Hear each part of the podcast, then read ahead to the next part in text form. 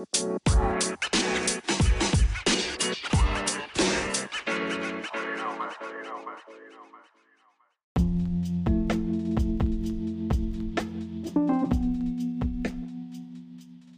guys, kembali lagi dengan Haris Basuki. Uh, kali ini saya sedikit berbagi tentang pengalaman saya pertama kali mengenal tentang exposure. Mungkin sama seperti 100 tahun yang lalu dan seperti pada tahun exposure pertama saya. Setiap kamera yang ada pada masa kini, entah itu digital atau film, tak lebih dari sekedar kotak kedap cahaya dengan lensa di ujungnya dan sebuah media digital atau film maka cahaya di ujung lainnya. Cahaya yang sama memasuki lensa, aperture, dan setelah sejumlah waktu tertentu, waktu, waktu tertentu yang ditentukan oleh shutter speed. Sebuah gambar akan terekam pada media digital atau film. Sejak hari pertama dunia fotografi sampai sekarang, gambar yang terekam disebut dengan exposure. Segitiga fotografi atau fotografis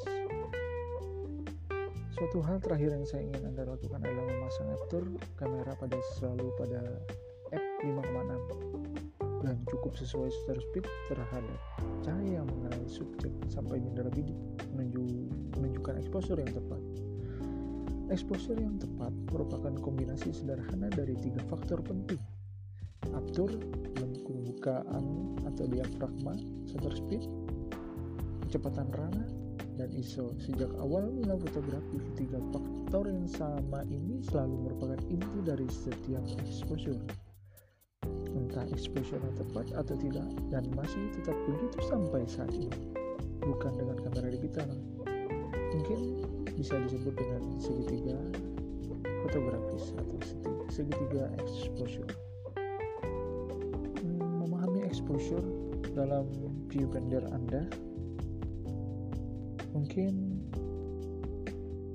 saya kemudian bisa menyesuaikan shutter speed sampai mendapatkan exposure yang tepat dan bagaimana Anda tahu telah mendapatkan exposure yang tepat ketika mengintip melalui jendela bidik saat menggunakan mode exposure manual. Anda akan melihat apakah light meter menunjukkan asupan cahaya yang berlebihan atau over exposure uh, pada titik trackingnya berada di sisi plus ataukah ada exposure. Titik trackingnya berada di sisi minus.